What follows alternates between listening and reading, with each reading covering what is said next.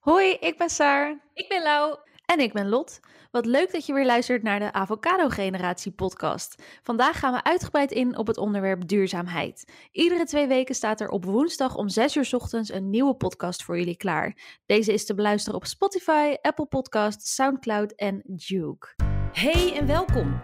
In de Avocado Generatie podcast kletsen Lot, Saar en Lau over alles wat millennials bezighoudt. Van carrière maken tot de wereld overreizen en van tinderliefdes tot babyfever.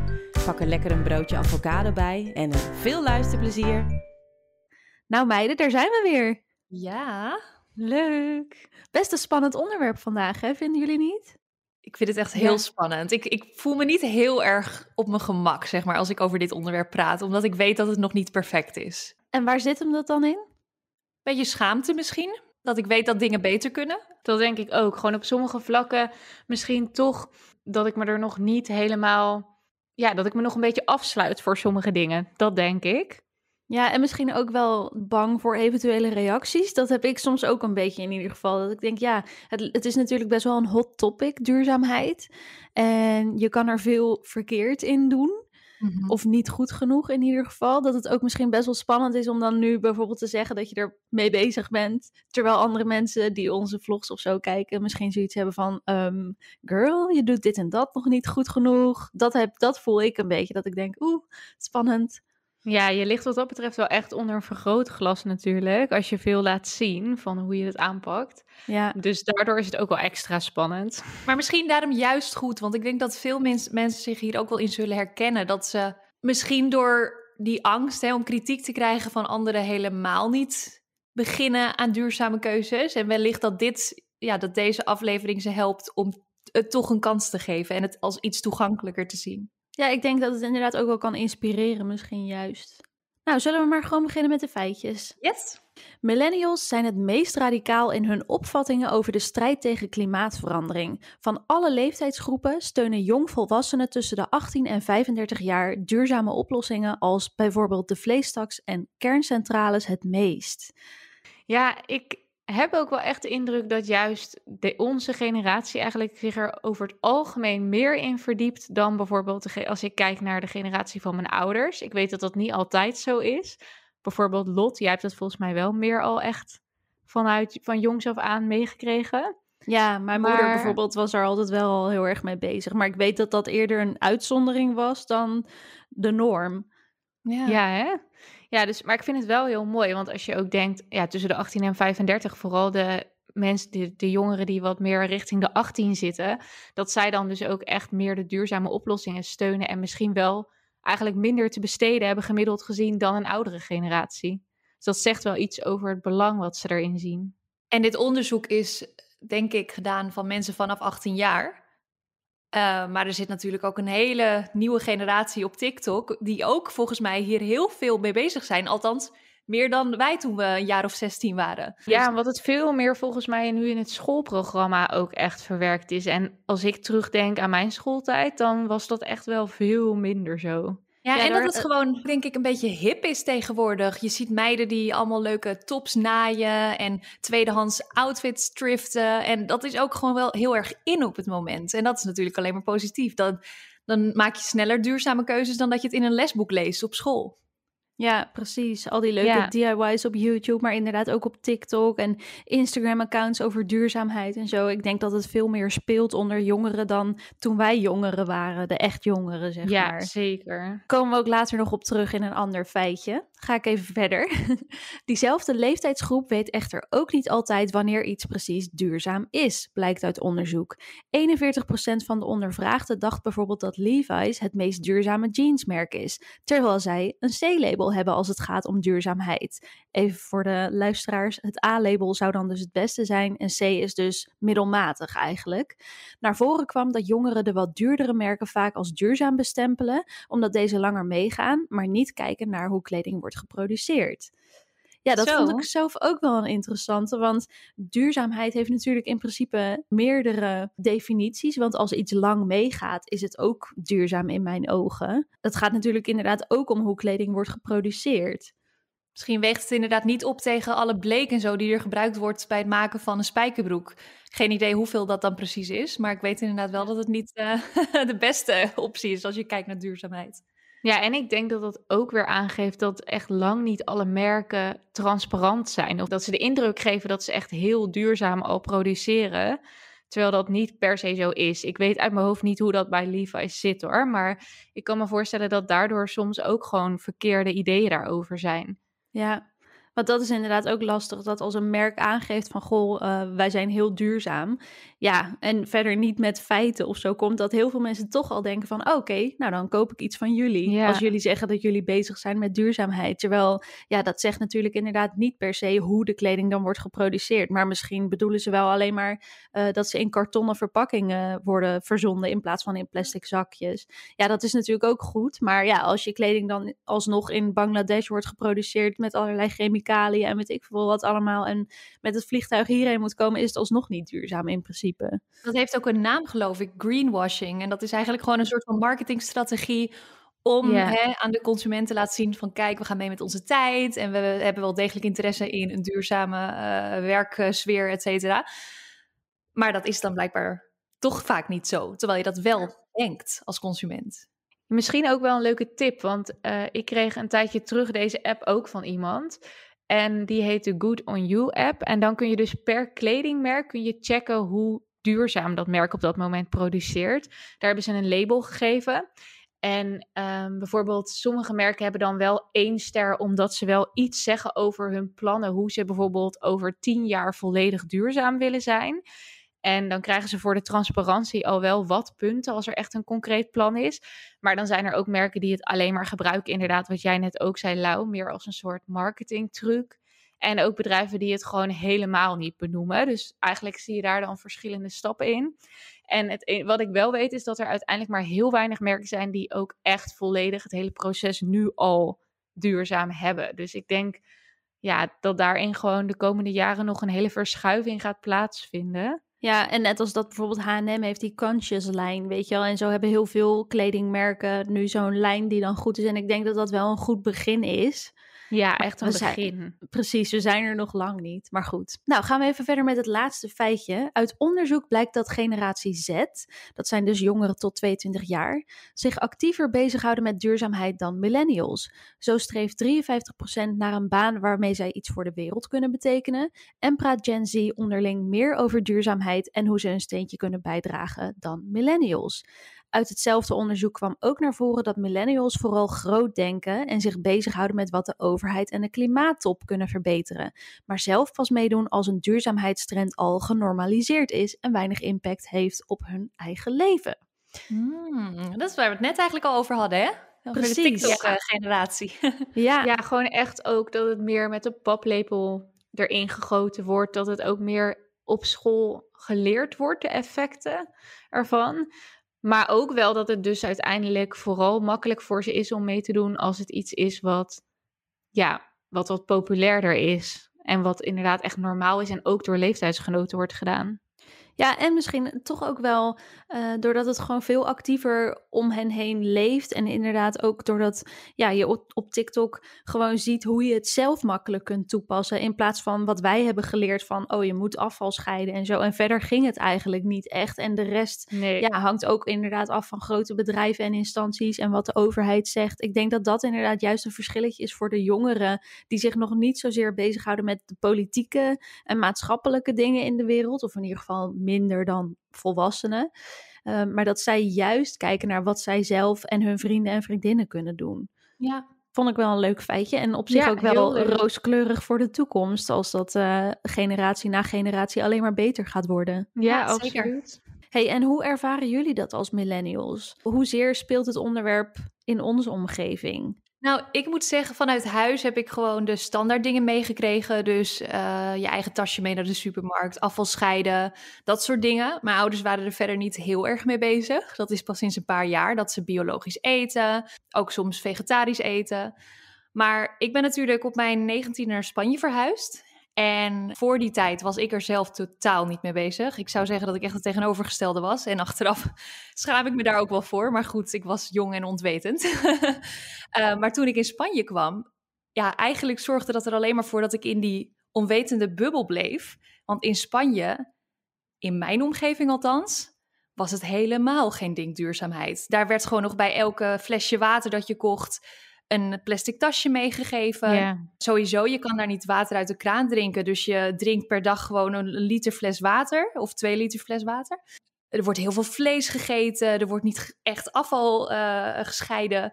Dus ja, toen ik in Spanje zat, was ik daar helemaal niet mee bezig. Het was pas toen ik op social media merkte dat het steeds meer een ding werd dat ik mezelf er meer in ben gaan verdiepen. Maar ik denk dat ik echt nog tot heel laat in mijn eigen uh, niet duurzame bubbel heb gezeten. Hmm, wel interessant. Ik vind het ook wel grappig dat je dat zo benoemt dat het in Spanje, tenminste toen, misschien is het nu al wel beter, maar dat het toen echt nog helemaal geen topic was. Want als ik even snel terugdenk aan mijn vakanties de afgelopen jaren, is me dat achteraf dus ook wel opgevallen. Dat je inderdaad bijvoorbeeld in Turkije, maar ook in Frankrijk en zo, dat je daar gewoon toch nog wel vaker een plastic tasje mee krijgt. En in Amerika trouwens ook. En dat dat gewoon, dat veel meer überhaupt in plastic is verpakt. En ja, nu je dat zo zegt, denk ik, hmm, misschien is Nederland dan op dat vlak toch al best wel ver. Of in ieder geval verder dan andere landen. Alleen als je naar de auto's kijkt, hè, het is heel normaal om gewoon een oude diesel te hebben in Spanje. En Ja. volgens mij zijn er nu wel sinds een jaar is daar een regel voor, net zoals in Nederland, dat je, ik geloof, de stad niet meer in mag van Ma- Madrid. Ik, ik weet het niet precies, maar als je een auto hebt van voor 1980, I don't know. Maar ja, dat zijn dingen die we in Nederland gewoon al best wel allemaal hebben. En daar is het zelfs nu totaal nog ja, niet normaal. En En jij? Saar? Ja, nou eigenlijk wel een beetje hetzelfde als bij Lau. Als in de standaard dingen zoals afval scheiden, ehm, ook voedselverspilling en zo. Mijn moeder lette wel heel erg op dat ze niet onnodig veel maakte wat dan overbleef en zo. Dat heb ik wel meegekregen. Maar het, het waren wel echt een beetje de basics. En vooral ook de gedachten en de uitleg erachter. Ja, ik denk dat zij zich daar ook niet heel erg mee bezig hielden. En dat is dus ook wat ik niet heel erg heb meegekregen in mijn opvoeding. Daarmee bedoel ik dus dat het meer, ja, dat afvalscheiden deed je gewoon, want het hoorde. En ik had niet echt dus weet van wat er dus zou gebeuren als je dat allemaal niet zou doen, et cetera. Het was meer gewoon standaard.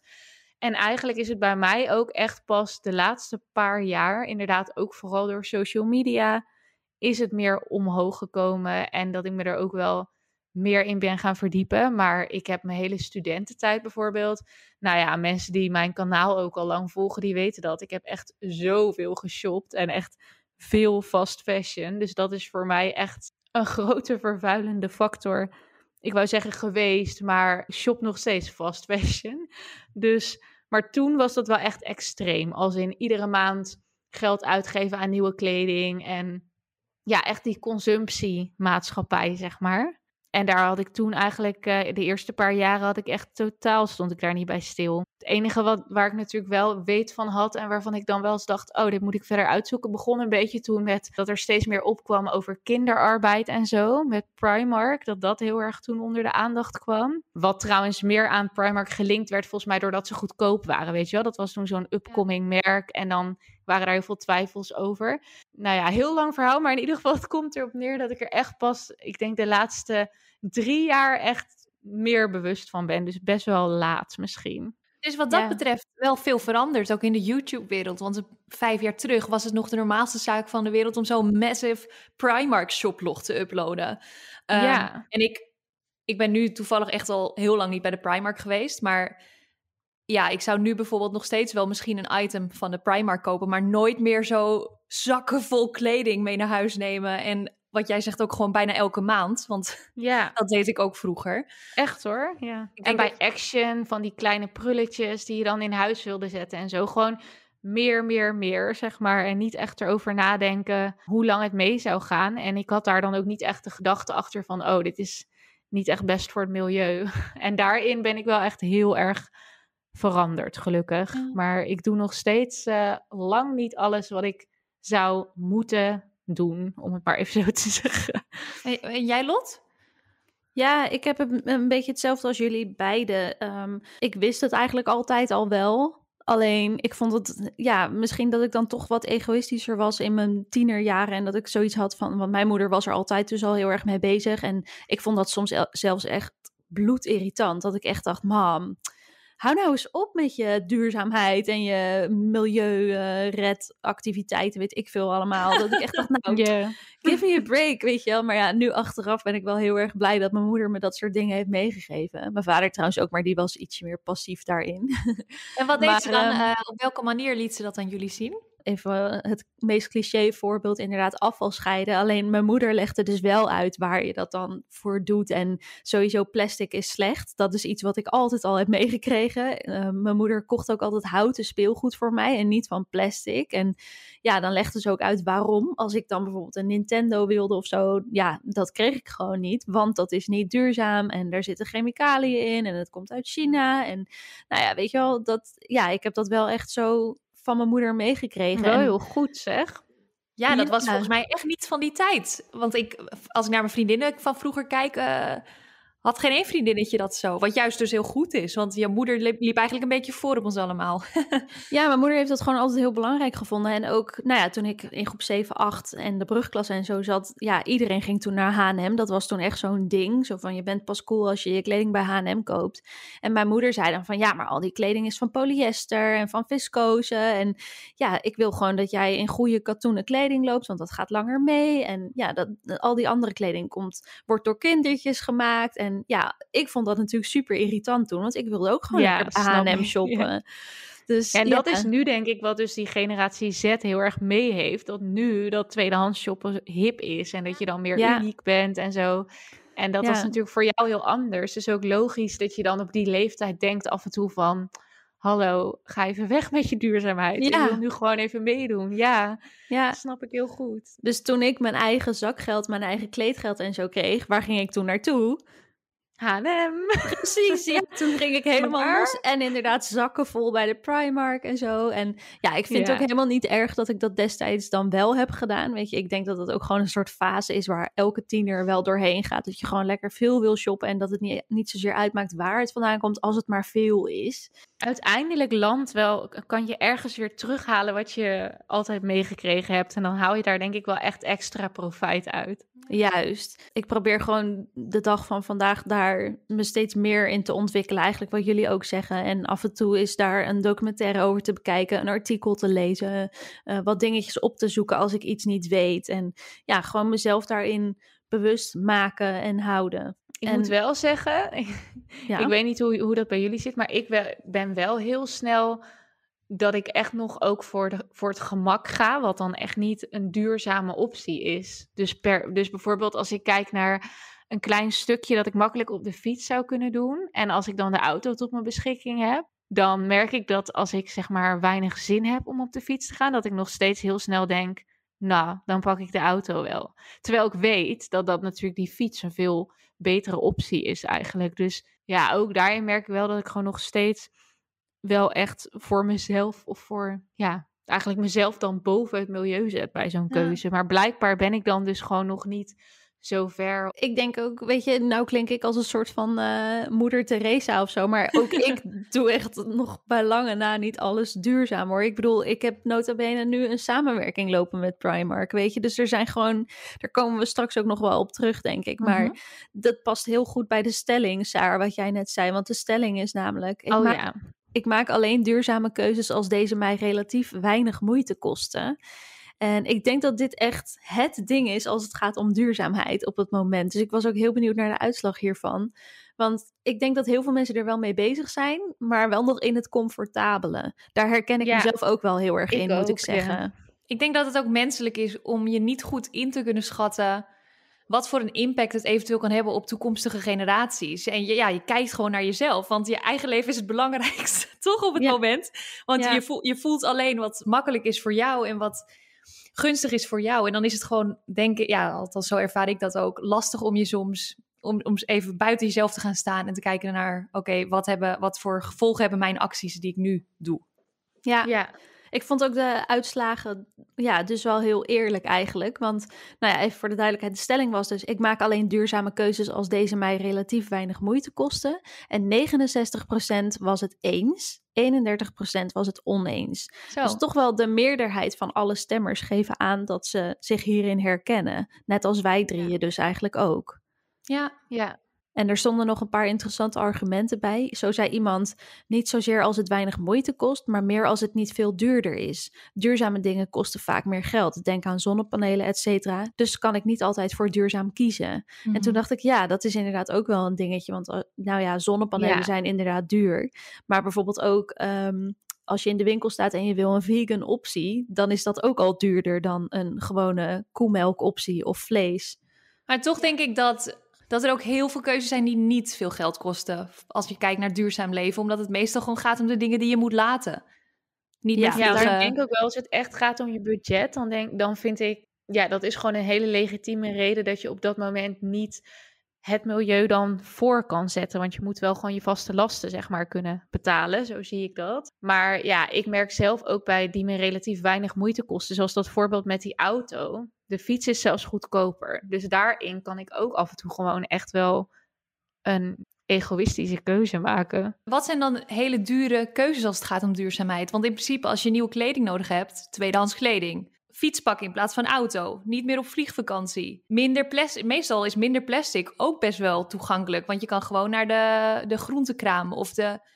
En er zijn Ik natuurlijk denk wel. vooral als je... Oh, sorry, ik onderbreek. Nee, maakt niet uit. Ik denk vooral als het heel erg gaat in de aanschaf van nieuwe materialen, die dus echt met een heel duurzaam proces en allemaal duurzame materialen gemaakt zijn. Want dat is vaak gewoon wel duurder in de aanschaf. En dan kan het gaan om meubels, maar het kan ook gaan om nieuwe kleding. Tweedehands is natuurlijk altijd een optie. Dit is wel grappig dat je het zegt, want ik las net een stukje uit een artikel. Ik heb voor deze episode een beetje onderzoek gedaan. En toen eh, zei hier iemand dat de huidige vorm van duurzaamheid heel erg gericht is op het individu. En dus op basis van het kapitalisme. Eh, nieuwe spullen kopen, maar dan wel groen.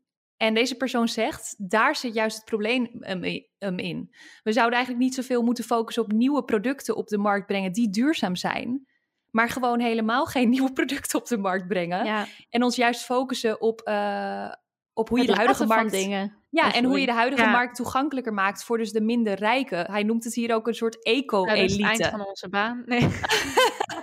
nee, maar dat vind ik, Nee. ik vond het wel grappig, hoe, want zo heb ik er nog nooit naar gekeken. En deze man zegt, ja, kijk, wie duurzaamheid kan betalen, die ervaart de meeste voordelen. Dus eh, gezond voedsel, laadpalen voor je elektrische auto. En dat noemt hij dus letterlijk de eco-elite. En daar heeft hij denk ik wel een punt. Ja, dat, Ja, dat vind ik ook grappig dat je dat Ja. zegt. Want dan haal ik mijn moeder weer even aan als voorbeeld. Want mijn moeder is dus ook als er iets kapot is of zo, dan doet ze er alles aan om dat wat kapot is, een apparaat, te maken. En dan brengt ze het nog liever naar iemand waar ze dan 40 euro aan moet betalen, zodat die het voor haar maakt, dan dat ze het moet weggooien en iets nieuws moet kopen. En ik denk inderdaad dat dat ook echt ja, waar is wat jij zegt. Dat het niet zozeer duur is om duurzaam te leven, maar meer dat het gaat om dingen die je moet laten. En ja, Ja, dus echt gewoon die cyclus van continu dingen blijven gebruiken en opnieuw gebruiken en niet steeds Ja. nieuwe dingen erbij.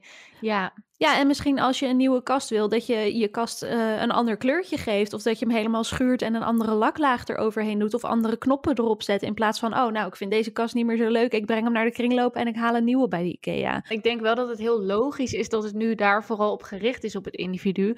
Omdat sowieso natuurlijk alle, al die merken willen overleven. En dus een manier zoeken om wel mee te gaan in het stukje duurzaamheid, maar ook de klant aan te spreken. Of de, en weet je wat, die eh, ontwikkeling bij mensen, gemiddeld gezien, gaat natuurlijk niet zo snel dat zij in één keer geen waarde meer hechten aan iets nieuws bezitten. Dus ik denk dat daar, dat, dat als een soort van opstapje of tussenstap nu wel heel erg zo op het individu gericht wordt. Ja, zeker. Ja.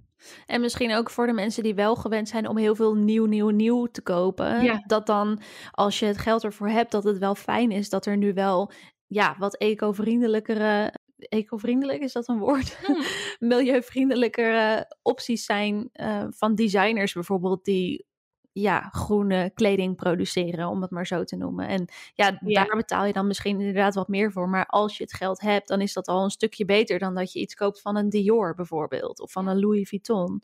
Ja, en dat is natuurlijk überhaupt zo dat ehm, inderdaad de duurzame opties die wel meer geld kosten in eerste instantie. Het idee is natuurlijk wel dat dat ook veel langer meegaat en dat het ook echt gemaakt is om langer te overleven. Dus uiteindelijk dan ook in dat geval bespaar je daar misschien juist wel geld mee, Lau. Alleen, ja, ik denk dat heel veel mensen gewoon in eerste instantie niet het geld hebben om dan bijvoorbeeld van zo'n duur kledingmerk iets te kopen. Ja. Een ander argument wat binnenkwam was: ik leef maar één keer en daar wil ik alles uithalen zonder beperkingen. Wat vinden we daarvan? Ja, Ja, dat vind ik wel, wel een beetje kortzichtig, als ik eerlijk ben. nou, ik, Leg uit. Ja. Nee. nou ja, ja, kijk, ik begrijp het wel, maar ik denk van, zo werkt het niet in de wereld op allerlei vlakken. Want dat klinkt een beetje alsof je alles wat je zou willen, als je dat doet, kan goed praten, in mijn ogen. Ja, ik denk dan ook altijd, stel dat iedereen dit zou denken en Ja. zou, zou handelen op die manier, dan was het echt een potje. Ja, daarom. Ja. En daarmee bedoel ik dus niet te zeggen dat. Want ik doe dus ook wel zulke dingen. Maar als dat echt je instelling is, dan denk ik wel: oh, help. Als iedereen zo denkt, dan. Ja, het dus een een- ja. Ooit tot een iets betere wereld, zeg maar. Ja. Maar ik snap het wel deels. Want als ik bijvoorbeeld kijk naar eh, mijn situatie met mijn schoonfamilie die in Spanje woont. Ja, op het gebied van vliegreizen. En dat is zo'n beetje het slechtste wat je kunt doen. Het vliegtuig pakken als je kijkt naar duurzaamheid. Maar dan kies ik dus, dan ben ik egoïstisch en dan kies ik voor mezelf. En dan denk ik, ja, ik leef maar één keer. En ik wil mijn familie of mijn schoonfamilie zien. Ehm, ja, Dus daardoor pak ik vaker het vliegtuig dan, dan duurzaam verantwoord is. Ja, het is eigenlijk helemaal niet duurzaam verantwoord vliegtuig pakken. Eh, en dat vind ik dus wel echt een dilemma. Want Ja, nou, en nee, eigenlijk is het dus, moet ik toegeven, niet eens een dilemma voor mij. Want in dit geval zou ik altijd voor mezelf kiezen. Ja, je hebt daar al een Ja. beslissing over gemaakt. En ik denk dat iedereen dit soort dilemma's of egoïstische keuzes heeft gemaakt voor zichzelf. Want Ja. ik heb dat bijvoorbeeld nog met samenwerkingen. Dat ik denk, ja, sorry, maar ik ben gewoon nog niet op het punt dat ik alleen maar volledig 100% duurzame samenwerkingen kan aangaan. Want dan kan ik dit werk niet doen. Dan moet ik een ander baantje gaan zoeken. En daar, op dat vlak kies ik dus ook voor mezelf. Maar wel in mijn achterhoofd met dat ik dus eh, duurzame samenwerkingen wel liever aanneem en dat ik daar wel mijn hart voor wil maken. En dat ik dus dan vind dat ik op andere vlakken eh, mensen moet Ja. inspireren om bewuste, duurzame keuzes te maken. ja. ja, want kijk, ik hoor nu bij jullie allebei dat je dan bij die keuzes wel heel erg in je achterhoofd hebt van oké, dit is eigenlijk wel een, nou, tussen aanhalingstekens, egoïstische keuze. Maar ik maak deze nu wel. Maar dat je dus wel heel bewust bent van dat dat zo is. En in mijn eh, oren klinkt wat jij net zei van ik leef maar één keer, klinkt een beetje zoals joe, eh, boeien, weet je wel. Ik doe gewoon lekker mijn ding en eh, ja, dat je daar dus helemaal niet bij stilstaat. Dus ik denk dat dat al stap één is. Uiteindelijk brengt het niks op, maar in je, doordat je dat in je achterhoofd hebt, maak je dan misschien dus wel weer andere keuzes die wel duurzaam zijn, zoals jij net ook al zei, Lot. Ja, een beetje die compensatie die je dan voor jezelf doet. Ja. En ik hoor ook wel eens mensen zeggen van ja, kleine beetjes zijn niet meer genoeg. En daar ben ik het op zich wel mee eens. Want ja, als we zo doorgaan, is de aarde over een paar jaar gewoon niet meer. En dat, dat weten we allemaal. Maar ja, als je Ja, zelfs dat- die kleine beetjes al niet doet, dan zijn we helemaal nergens. Dus ik heb liever dat mensen Ja. een klein beetje wel doen, dan dat ze helemaal niet doen. Ja, want dat vind ik dus best wel een, een benauwende uitspraak als ik dat hoor, inderdaad. Kleine beetjes zijn niet genoeg, zeg maar, meer in de zin van je moet gelijk je leven 180 graden omdraaien vanaf morgen, zeg maar. Dat is hoe ik dat dan hoor. En dan krijg ik echt een beetje dat gevoel van, oh help, eh, ik moet alles 100% goed doen. En zover ben ik gewoon nog niet. En ik denk dat heel veel mensen dat hebben, dus dat het juist goed is om wel ook die kleine beetjes te ondersteunen. En op een gegeven moment die dingen die we nu ehm, net nieuw zijn gaan doen, die hele kleine stappen zijn, zoals ik noem maar even wat herbruikbare wattenschijfjes, dat soort dingen. Over twin- tien jaar bijvoorbeeld, dan is dat echt heel automatisch. En dan is weer een ander stapje, een makkelijke stap om erbij te doen. En ik snap dat het dan heel langzaam gaat.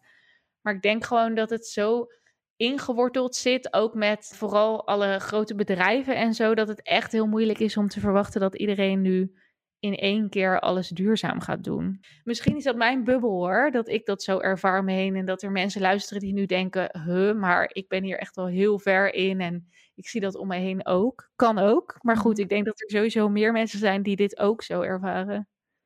Ik denk dat uiteindelijk dat het wel helpt om als individu duurzame stappen te ondernemen. Omdat je een soort van druk legt toch op de grotere bedrijven en industrieën. Maar dat uiteindelijk daar toch echt het antwoord ligt. Kijk, je Ja. kan wel veganistisch gaan eten. Maar eigenlijk moet gewoon die eh, intensieve veehouderij moet afgeschaft worden. Je kan wel je vlucht compenseren, maar eigenlijk moet er gewoon sowieso moeten er minder vluchten komen.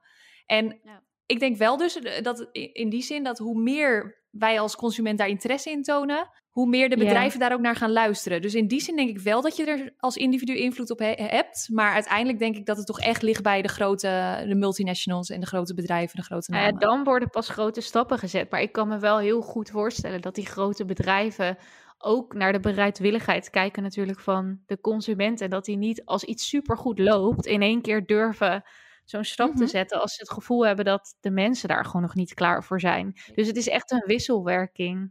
Ja. ook die bedrijven zitten eigenlijk in een soort bubbel, laten we het zo zeggen. Misschien willen ze wel, maar durven ze gewoon nog niet volledig. En ja, eigenlijk is dat natuurlijk jammer, maar het is logisch ook wel. Precies, ook allemaal banen en zo zit, zijn daar natuurlijk aan. Ja, dat is gewoon heel groot. Ja, maar ja, feit is wel dat het niet snel genoeg gaat. Dat vind ik wel soms beangstigend, dat ik denk, ja, weet je, iedereen doet mm. wel op zijn manier uh, zijn best including me. Maar het is gewoon nog lang niet genoeg. En ja, ja. ik ga me überhaupt, nou ja, dat is weer zo'n ding waar ik dan over nadenk van, wordt het überhaupt ooit genoeg? Is het nog te redden? Dit merk ik dus heel erg als ik weer naar Spanje reis. En dan heb ik dat gevoel echt extreem. Want hier in Nederland, wat ik al zeg, en helemaal nu we eigenlijk niet veel buiten komen. Je leeft in je social media bubbel. En in mijn social media bubbel is iedereen vrij duurzaam. en op zo'n moment dat ik dan weer in Spanje aankom, waar ik gewoon echt niemand ken die duurzaam leeft, dan denk ik, ja, wij kunnen in Nederland wel allemaal zo ons best doen. Maar het land, naast ons, die, die, die, die zijn hier totaal niet mee bezig. En zo heb je natuurlijk nog veel meer landen waar ze of wat voorlopen of wat achterlopen. En dat vind ik best wel angstaanjagend. Dat in, in je eigen land het idee kan hebben van oké, we gaan we doen ons best en het gaat lekker, het gaat goed. Maar dan kom je ergens anders. En ja, dat is ook deel van de wereld. Maar ja, dat was ook een van de luisteraarsvragen toevallig. Dus daar haak ik meteen even op in. Zij vroeg namelijk letterlijk: Heeft het wel echt nut wat ik doe als de rest van de wereld niet meewerkt? En dat is eigenlijk precies wat wij nu bespreken. En ook wel een hele interessante, denk ik. Want ja, wat jij al zegt, inderdaad, als je in Spanje komt, dan is het gewoon nog een hele andere wereld op dat vlak. En nou ja, ik heb dat ook gezien op vakanties. En dat ik echt denk: ja, wij doen het gewoon wat dat betreft in Nederland al best wel oké, ja, heeft het genoeg zin? En slaat het überhaupt wel ergens op dat we het nog proberen, weet je wel? Maar ja, als we, als we zo gaan denken, dan zijn we helemaal nergens. Ja, ik snap die angst en ik denk ook wel dat die echt, ja, toch wel reëel is. Het enige wat je kan doen is dan vasthouden aan het stukje dat je dus weet wat de mogelijke gevolgen zijn van, de, van het niet duurzaam leven. En dat je dan dus heel erg haalt uit je eigen motivatie om in ieder geval je best ervoor te doen. Eigenlijk is het een beetje hetzelfde als nu met het coronavirus, met die maatregelen. Heeft het wel zin, eh, ik zeg niet dat ik alles perfect doe, maar heeft het wel zin dat ik me relatief goed aan de maatregelen hou als mijn buurman scheid heeft aan alles en zich nergens aan houdt? Ja, weet je, als we het allemaal niet zouden doen, dan zouden we nu allemaal dood liggen te gaan aan corona, bij wijze van.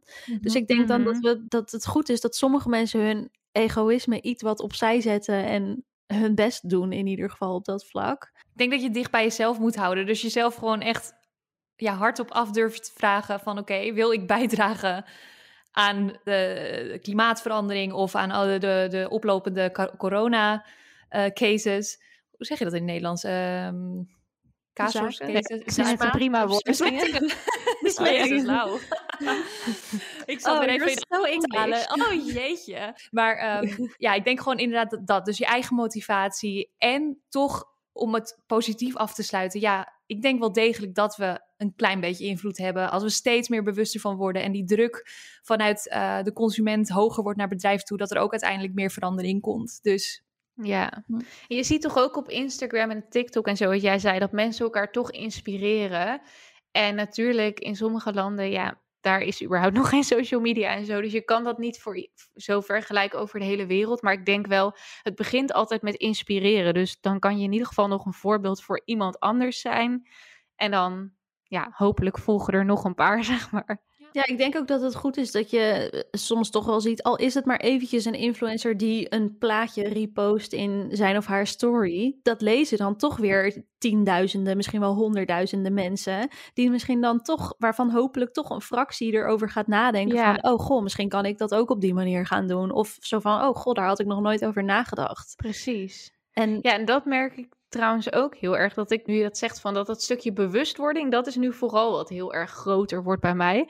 En het handelen ernaar nog niet waar ik zou willen dat het moet zijn. Maar ik denk dat alleen al dat je dus veel meer bewuster van bent, dat dat gewoon langzaam steeds meer gaat groeien en wel zorgt dat je veel meer duurzame keuzes gaat maken in je leven. Herkenbaar. Hey, en wij zijn natuurlijk uh, content creators, is het woord waar wij uh, voorkeur aan geven. Maar plat gezegd zijn we ook gewoon influencers. Influencer, ja. ja, oftewel, ons werk is eigenlijk reclame maken, in principe buiten het content creëren. En dus toch ook aanjagen te consumeren. Ja, Maar Ja. hoe gaat dat in hemelsnaam samen met duurzaamheid? Dat is iets wat ik mezelf ook heel vaak afvraag.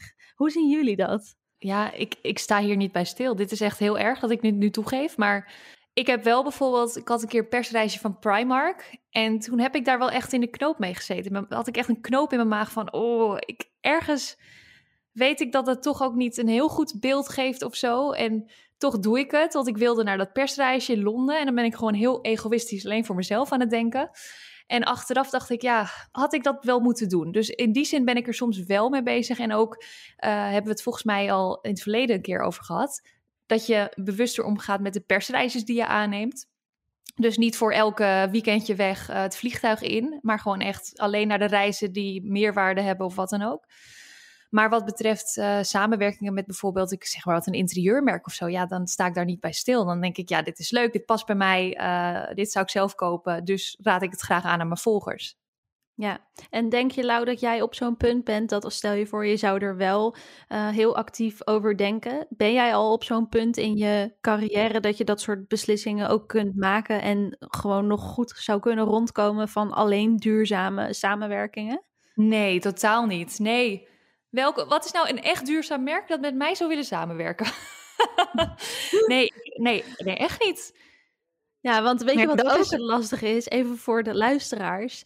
Ik krijg wel eens mailtjes over, even tussen haakjes, samenwerkingen van bijvoorbeeld goede doelen of van die groene bedrijven. Maar Mhm. die hebben dan dus geen budget. En dat is voor nee. mij het lastige. Dat ik denk, ja, ik wil hier heel graag aan meewerken in principe. Maar als er geen budget is, het is wel mijn werk. Ik moet hier gewoon mijn eh, hypotheek en mijn brood van betalen. Ik kan niet alleen maar met dat soort bedrijven samenwerken als er geen budget is. En dus ben ik eigenlijk een soort van, nou ja, verplicht is een heel groot woord, maar ik kan niet echt anders dan ook nog met kledingmerken samenwerken. En Ja, dat is dus denk ik een beetje het punt. Want stel je zou dan op een gegeven moment een aanvraag krijgen om iets, nou ja, niet betaald te doen. Maar je denkt vanuit jezelf van oké, ik wil hier graag aandacht aan geven. Want ik vind het wel een hele goede ontwikkeling. En dat is dan in ieder geval een zetje dat het misschien wat groter wordt als bedrijf, zo'n duurzame optie. Dan heb je natuurlijk weer vaak zo dat, ja, onze volgers zijn, tenminste als ik het zo mag zeggen, dat ervaar ik wel, zijn ook gewoon kritische mensen die dan zien dat je bijvoorbeeld een week later een betaalde samenwerking hebt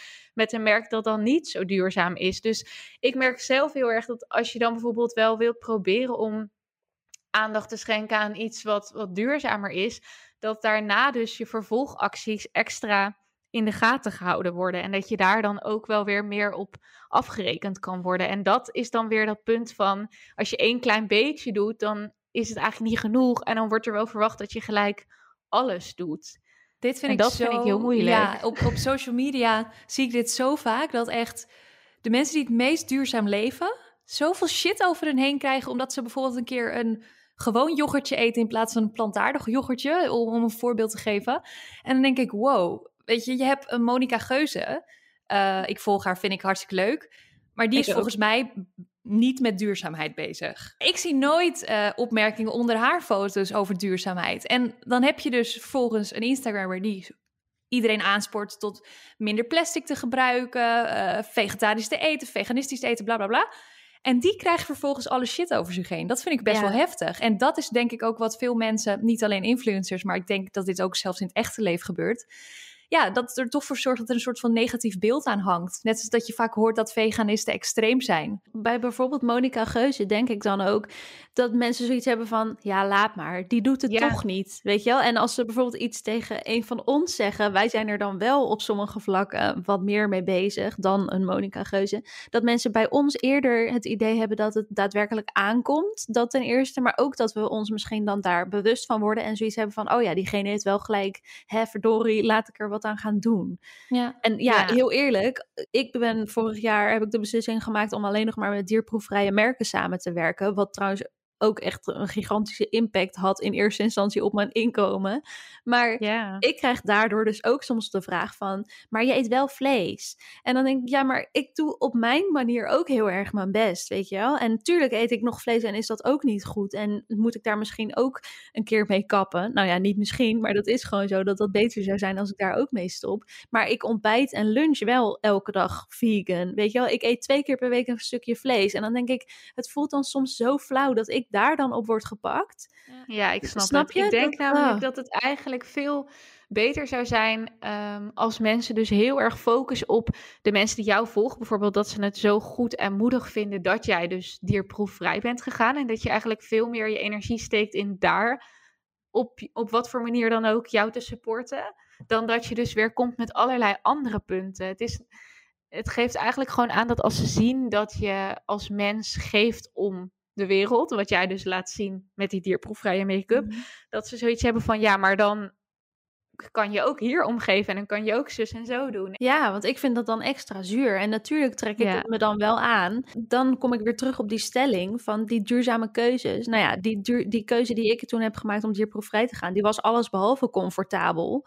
Maar die heb ik wel gemaakt. Maar om dan ook nu meteen heel radicaal te zeggen: ik ga nooit meer vlees eten. Zover ben ik gewoon nog niet. En dat moeten mensen dan nu ook maar gewoon accepteren. Want dat is gewoon nu hoe het is, weet je wel? Mhm. Er zijn zoveel mensen die gewoon elke dag zonder erbij stil te staan zoveel vlees eten, weet je wel? Waarom Mhm. pak je mij daar dan op? En dat vind ik soms wel heel flauw. Ja, en dan komen mensen natuurlijk heel snel op het punt dat wij als influencer, ik gebruik nu even die term, want die past nu het meest, dat wij natuurlijk ook andere mensen laten zien hoe we leven en wat voor keuzes we maken. En dat we daardoor dus ook andere mensen daarmee beïnvloeden. En dat, dat stukje voorbeeldfunctie. En dat, ja, dat vind ik wel heel erg ingewikkeld. Want ik snap best dat sommige mensen de vraag hebben van hoe kan dat in je hoofd samengaan? Dat je dus je baan is dat je mensen aanzet tot consumeren. Dat je daar je geld mee verdient. Maar tegelijkertijd denk ik ook wel eens. Ehm, stel je hebt een, een vriend van mij heeft een kantoorbaan bij bijvoorbeeld Shell. Dan zal niet zo snel iemand die vraag krijgen van goh, hoe voel je je erbij dat je voor zo'n vervuilend bedrijf werkt eigenlijk? Terwijl wij ja, met onze baan wel heel erg veel die vraag krijgen van...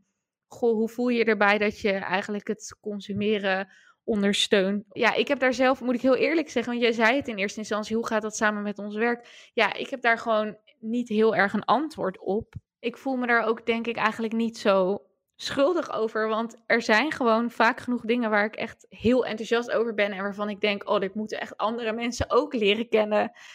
En dat is in de kern natuurlijk dan helemaal niet een duurzame gedachte. Maar ja, het bestaat natuurlijk uit veel meer dan dat. Misschien moeten we dit ook een beetje zien als die overgang van, nou ja, dat we een paar jaar terug helemaal nog niet met duurzaamheid bezig waren en nu steeds meer.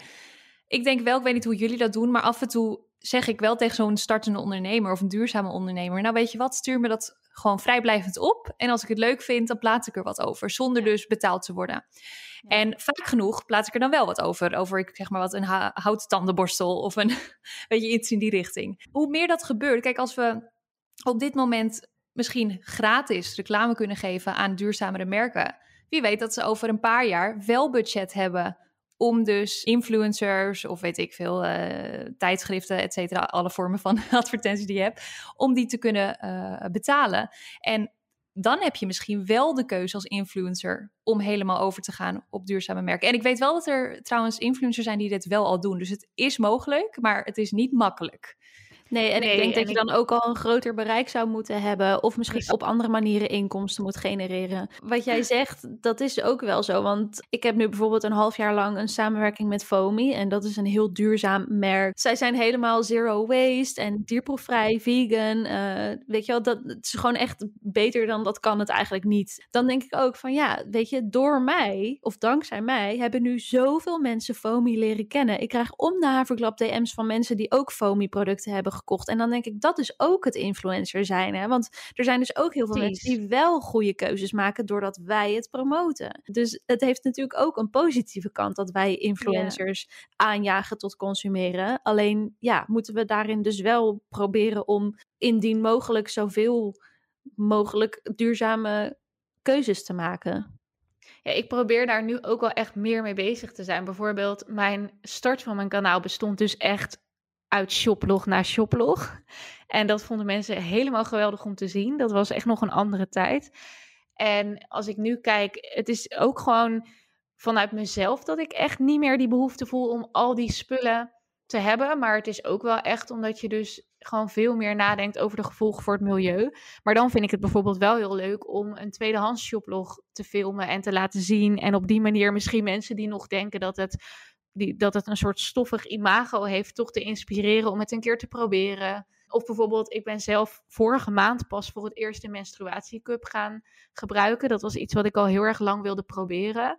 Omdat ik gewoon zoiets had van, ja, al die tampons die je elke keer weer weggooit. En nou ja, eigenlijk moet dat voor mijn gevoel best een makkelijke stap zijn. Maar ik vond het wel een heel spannend iets om te proberen. En dan deel ik daar bijvoorbeeld ook mijn ervaring mee. In de hoop dat het ook weer een paar mensen aanzet om het misschien te gaan proberen.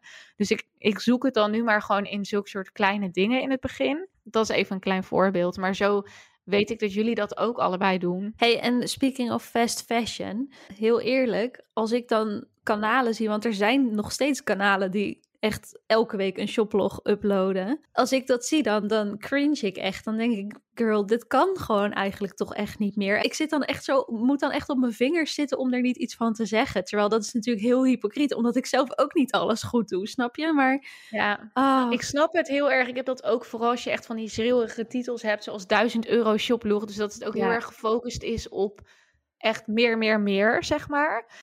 Maar ik vind het ook heel ingewikkeld om er vervolgens echt wat van te vinden. Omdat ik dan denk, ja, maar ik neem bijvoorbeeld ook nog kleding aan van fast fashion merken die me wat aanbieden.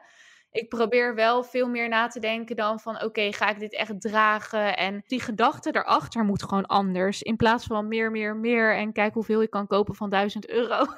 naar waar zou ik het nog dragen en dat soort dingen. Maar dit is denk ik een goed voorbeeld van hoe jij erin staat en hoe, wat jouw overtuigingen zijn. Want ja je kan hetzelfde zeggen van een travel vlogger. Ja, precies. of misschien wel veel meer, want die zijn impact op hè, het milieu is veel groter door zoveel te vliegen. Daarnaast zou waarschijnlijk een, een hardcore veganist over jou zeggen van... joh, kijk eens een, een docu over uh, veganisme. En helemaal heb ik al wel eens gedaan. Even ja. my defense. maar ik ben alsnog niet helemaal over de streep. Ja, maar, maar daarom is het dus lastig. Want ik denk, vooral met die shoplogs, ja, dat, is, dat zie je. En je ziet gewoon bergen vol kleding. En het is makkelijk om daarover te denken van... joh, mens, dit heb jij niet nodig. Dit was totaal niet nodig. Want Lau, jij, ik, sorry dat ik je onderbreek, maar jij bent natuurlijk vegetariër. Maar zie jij dan mensen die nog wel vlees eten echt als slechte rikken? Heel eerlijk zijn. Nee, totaal niet. Nee. Waarom niet dan? Ja, ik, ben ik zie mezelf namelijk wel als slechterik op dat vlak. Nee, nee. Nee, ik ben um, vegetariër geworden, volgens mij 2017. Toen was ik in New York voor dus de, de New York Marathon. En toen had ik zo'n pokeball voor mezelf besteld met heel veel stukken rauwe vis erin. En op een gegeven moment zat ik daar zo op de kou en toen dacht ik, gat, verdamme, wat ben ik hier nou aan het eten? Ik weet niet waarom, want zo gek is het niet om zalm of zo te eten. Maar ineens kreeg ik gewoon een enorme afkeur voor dus het visje dat ik daar aan het eten was. En gewoon de gedachte dat dat eerst rondzwom en nu in mijn mond zat. En toen heb ik heel spontaan besloten om helemaal vegetariër te worden. Zonder me eigenlijk er heel goed op in te lezen, wat dan ook. Dus mijn reden daarachter was nog niet eens voor het milieu. Het was gewoon dat ik dacht. En toen ben ik er dus meer over gaan lezen en heb ik documentaires gekeken. Toen dacht ik, ja, ik sta hier wel echt achter. Dit is, dit is wat ik wil doen. Maar ook omdat het voor mij een relatief makkelijke keuze was. Ik ben nou eenmaal niet een enorme vleeseter, nooit geweest. En ja, wat ik het meest mis is mijn broodje rosbief of filet américain. Maar ik was nooit van uh, een groot biefstuk uh, eten of naar een loetje in Amsterdam. nee, ik ook niet. Voor anderen zal dit een enorme stap zijn. Maar voor mij was dit een relatief makkelijke stap. Dus dan komen we nogmaals terug op die stelling die we hadden.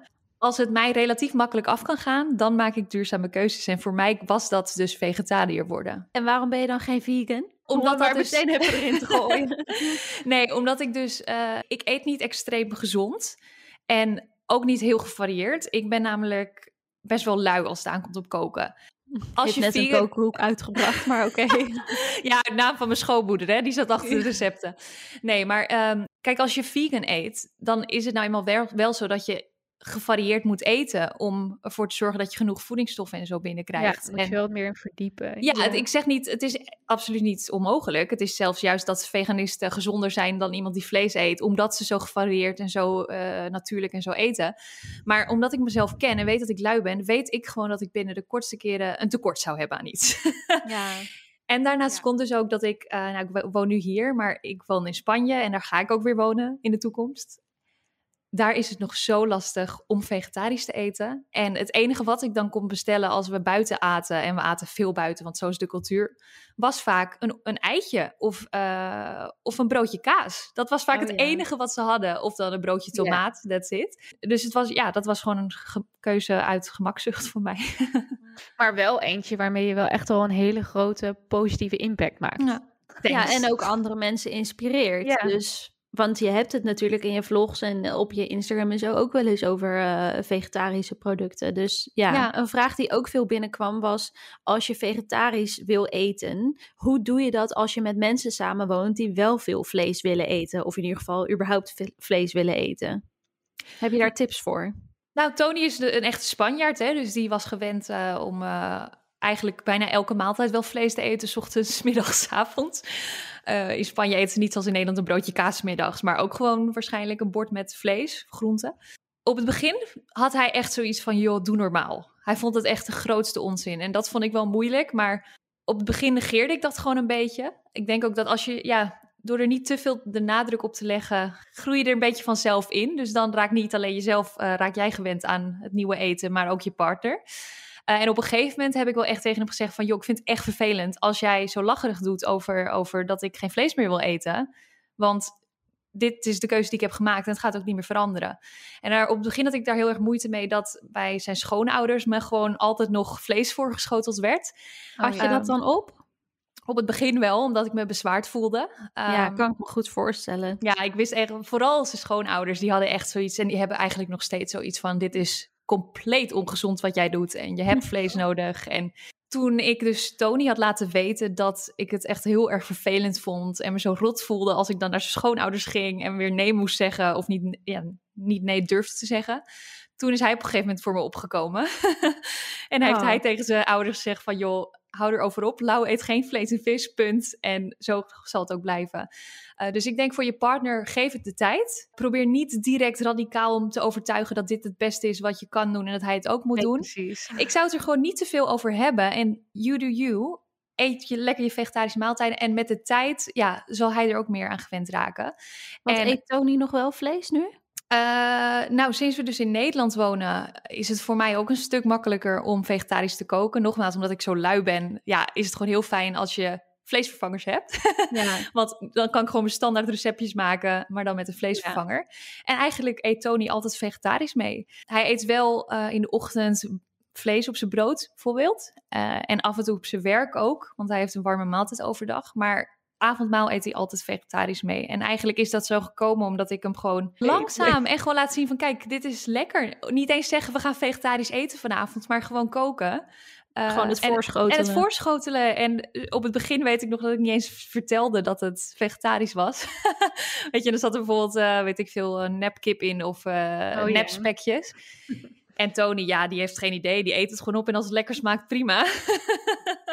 Makkelijk. Ja, maar dan kan je ook niet meer ontkennen op een gegeven moment dat het lekker eten is natuurlijk. Nee, en zelfs als we naar de Mac gaan, want dat, ja, dat is totaal niet uh, duurzaam, maar we gaan wel eens naar de Mac voor een vega burgertje hier. En dan bestelt Toon ook de vega kipburger. Dus, oh, leuk. Uh, oh, wat goed. Ja. Dat is wel echt een, een, ja, voor hem een hele grote omschakeling eigenlijk. Ja, een hele zeker. grote stap. En bij jou, Saar, hoe zit dat bij jou? Want jij eet ook nog wel eens vlees, toch? Ja, ja, ik eet ook nog wel vlees, maar ik merk wel um, dat wij daar ook echt heel erg in geminderd zijn. Ik merk dat eigenlijk heel veel gerechten die we lekker vinden, zijn ook eigenlijk vegetarisch. Omdat je dan toch sneller ook, vind ik, wat creatiever bent met smaken en zo. Ja, eens, 100%. Maar goed, alsnog moet ik zeggen, als ik dan kijk naar onze maaltijden, denk ik dat we nog wel twee keer in de week s'avonds vlees eten. Misschien soms iets meer. Maar ja, thuis aten we bijna altijd AVG'tjes, zeg maar. Dus dan had je echt, nou ja, een carbonade erbij. Of weet je wel, er was altijd gewoon echt een stuk vlees bij. Dus dan is dat ook al best een grote stap. Is al best een stap. Maar goed, als je aan mij vraagt van, overweeg je om vegetariër te worden, dan eh, ja, eigenlijk niet op dit punt. Ik, ik heb wel zoiets van, ik wil steeds minder vlees eten en dat gebeurt ook echt wel. Maar ik zie nu niet ehm, de noodzaak of de wens om helemaal te stoppen met vlees te eten. Maar wat Ja, je ik- doet is dus ook al heel goed, vind ik, toch? Als je ziet hoe, hoeveel jullie het vroeger aten. Ja, ik trouwens ook altijd eh, aardappelen, vlees, groenten. Eh, en dat je dan nu twee keer in de week, vind ik niet veel voor een Nederlands huishouden. Nee, het is ook een stukje bewustwording en je bent er dus wel heel bewust mee bezig. En wat je zegt, ja, het is voor veel mensen ook gewoon automatisme om een stukje vlees bij het eten te eten. En dat je dat al Ja. niet doet, of in ieder geval minder doet, alleen wanneer je er echt zin in hebt, of wanneer het echt erbij hoort, of snap je? Dan, Precies, ja, dat ik- gevoel. ik- ja. Zo doe ik het dus eigenlijk ook. Ik overweeg trouwens wel om op een gegeven moment echt helemaal vegetariër te worden. Maar ik zou er niet zo snel echt een stempel op zetten. Omdat als ik dan een keertje vlees eet, dan vind ik ook dat dat zeg maar moet kunnen. Dus bijvoorbeeld, eh, mijn moeder die maakt altijd zelf pizza. Dus helemaal zelf deeg en zo. Ehm, en mijn moeder is vegetariër. Maar als zij zelf pizza maakt, dat doet ze ongeveer één à twee keer per jaar. Dan doet ze dus ook salami op de pizza. En dat is voor haar de enige, het enige moment in het jaar dus dat ze een stukje vlees eet. En dan weet ik dat sommige mensen dan denken van... Ja, maar je, Oh. je bent- dan ben je dus geen vegetariër. Oh, maar en dan daar ben ik, ik het niet mee ik eens. Zo on... ik ik- ben het ook echt zo mee oneens.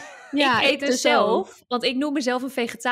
Maar als ik op een bruiloft in Spanje zit en ik ben omringd door Spanjaarden en ik doe er alles aan om een vegetarisch gerecht voor geschoteld te krijgen. Maar ik krijg vervolgens garnalen, Ja. want heel vaak vinden hun dat vis vegetarisch is. Oh ja. Ja, dan ben ik niet degene die zegt, jongens, ik ga weg, dit is niet waar ik voor sta. Kijk, dan denk ik die ene keer in het jaar dat dat dus gebeurt. En denk maar niet dat ik ervan geniet, want ik vind het afschuwelijk. Maar dan, dan eet ik dat wel gewoon. En dan weet ik dat dat niet mij een mindere vegetariër maakt. Omdat ik één keer... Ja, zo zie ik het En in ieder dat geval. vind ik echt heel Ik belangrijk inderdaad om te onthouden. Ook naar hoe je naar andere mensen kijkt. Die dus inderdaad daar op een bepaalde manier mee omgaan. En zeker, Lotte, ik snap ook wel jouw eh, gedachtegang. Zo van, ik wil daar dan liever geen naam aan geven. Want dat is dus zeker als je dus een inkijkje in je leven geeft, zoals wij doen. Dan word je daar al helemaal snel op, op aangevallen. Zo van, ja, maar dat kan toch niet, want je bent vegetariër. Terwijl als jij een vriendin hebt die vegetariër is, die één dag besluit om een keer vlees te eten, dan hoeft ze dat niet te zeggen en niemand weet dat. Precies. En zij staat nog steeds voor hetzelfde, weet je wel? Ja. Ja. Maar om jullie gerust te stellen, ik eh, heb wel eens in een vlog genoemd van... joh, ik ga nu vis eten, want ik kom er niet onderuit. Bij wijze van. Ik heb daar nog nooit vervelende opmerkingen over gekregen. Dus het valt Nee? heel erg mee. Ja, Oh, Oké. goed. Ook een tip voor de luisteraars, mocht je nou nog niet helemaal vegetarisch eten. Wat ik dus heel toegankelijk vond, en helemaal in Nederland, is dat je gewoon af en toe een maaltijd waar je heel erg van houdt, bijvoorbeeld pasta carbonara, vervang de spekjes eens voor vega-spekjes. Of ben je net zo gek op filet américain als ik? Koop een keer de filet américain van de Albert Heijn bijvoorbeeld, de vega, die ze nu hebben. Die smaakt echt bijna hetzelfde als de echte. Koop dat een keer en wie weet vind je het lekker. Ja, En kan je dat voor altijd vervangen. Precies. Precies. Heb je al één keer in de Mhm. week standaard in één keer een vega-maaltijd. En hetzelfde geldt voor koemelk vervangen. Dat is eigenlijk een van de makkelijkste dingen. Want er zijn zoveel lekkere soorten melk die plantaardig zijn. Bijvoorbeeld havermelk vind ik echt tien keer lekkerder dan koemelk. Nou meiden, ik denk dat we hem eh, moeten gaan afsluiten. Maar voordat we gaan afsluiten is het denk ik nog wel leuk om eventjes wat korte tips te benoemen van dingen die je thuis makkelijk zelf zou kunnen veranderen. Zal ik er alvast eentje erin gooien? Ja, Oké. doe maar. Nou, ik ga even lekker mijn eigen blog promoten. Maar ehm, mocht je geïnteresseerd zijn in wat meer duurzame, oftewel dierproefvrije eh, en zero waste cosmetica. Ik heb daar best wel veel artikelen over geschreven. En als je intypt op Google liefst Lotte dierproefvrije cosmetica, dan kom je meteen op een artikel waarin ik daar heel veel over uitleg. Nice, die moet ik ook even gaan lezen.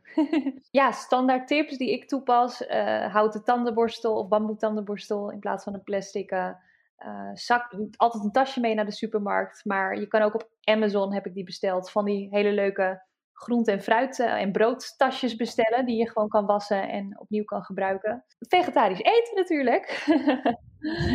en ehm, ja, dat, is, dat zijn denk ik wel de hoofddingen voor mij die ik toepas. Ja, en voor mij eh, wasbare wattenschijfjes, Oh, nice. inderdaad. Scheelt ook echt een heleboel afval. Menstruatiecup dus. En ehm, altijd iets van een bidon of zo meenemen. Dat je niet per ongeluk dorst krijgt en een blikje of een flesje of zo koopt.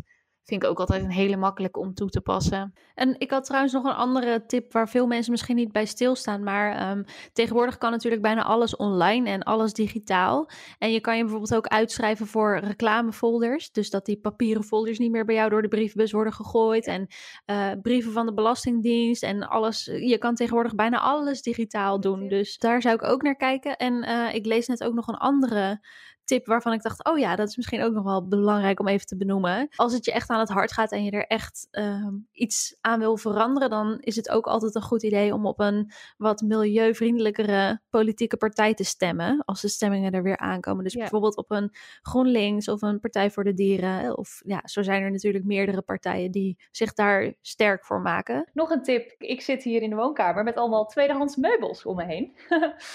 Um, Goeie. Naast tweedehands kleding kan je ook echt hele toffe items vinden op bijvoorbeeld Marktplaats. En een tip die ik daarvoor heb is om een, een alarmpje in te stellen via Marktplaats met een zoekwoord. Dus bijvoorbeeld juttekleed, zeg maar wat. Iets waar jij naar op zoek bent. En zodra dat dan online komt, krijg je daar een melding van en ben je er waarschijnlijk ook als eerste bij. En op die manier heb ik echt hele toffe items voor ja, heel weinig kunnen scoren. Het hele interieur, dus woonkamer, slaapkamer uh, en keuken, hebben wij voor 1000 euro kunnen scoren.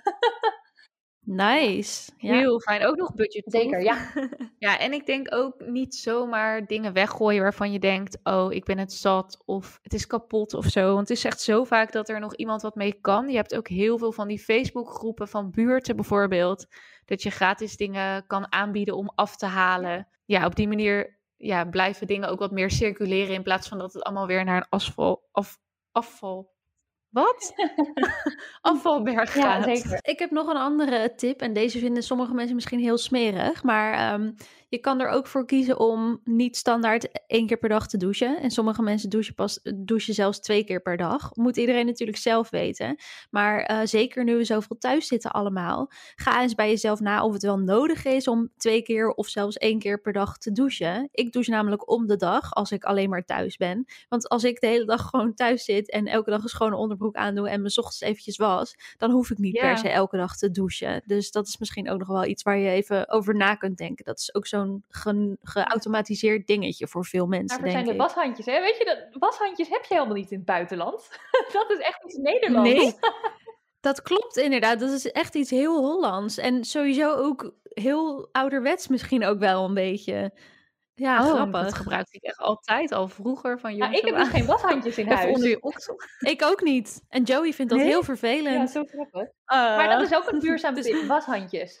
om, ja. om grote ja, geen vochtige doekjes, nee, maar washandjes. Als je meer van dat soort korte, simpele tips wil lezen, dan kun je naar thegreenguide.nl slash duurzamer-leven gaan. Een andere tip die ik jullie nog graag wilde meegeven is uh, het Instagram-account Tiny Tips That Shake the World. Daar staan namelijk heel veel, heel veel van die korte quotes en korte tips die je bijvoorbeeld ook kunt reposten in je story, waarvan je dan toch denkt van, huh, oh ja, heb ik helemaal niet bij stilgestaan. Hebben jullie nog een toevoeging? Ik ben heel benieuwd of de luisteraars, wat, wat de luisteraars doen om duurzamer te leven en of ze zelf nog tips hebben. Misschien kunnen we even een storytje plaatsen na deze ja. aflevering. Dus mocht je hier nog iets aan toe willen voegen of uh, een opmerking hebben, doe dat vooral via onze Instagram. Hè?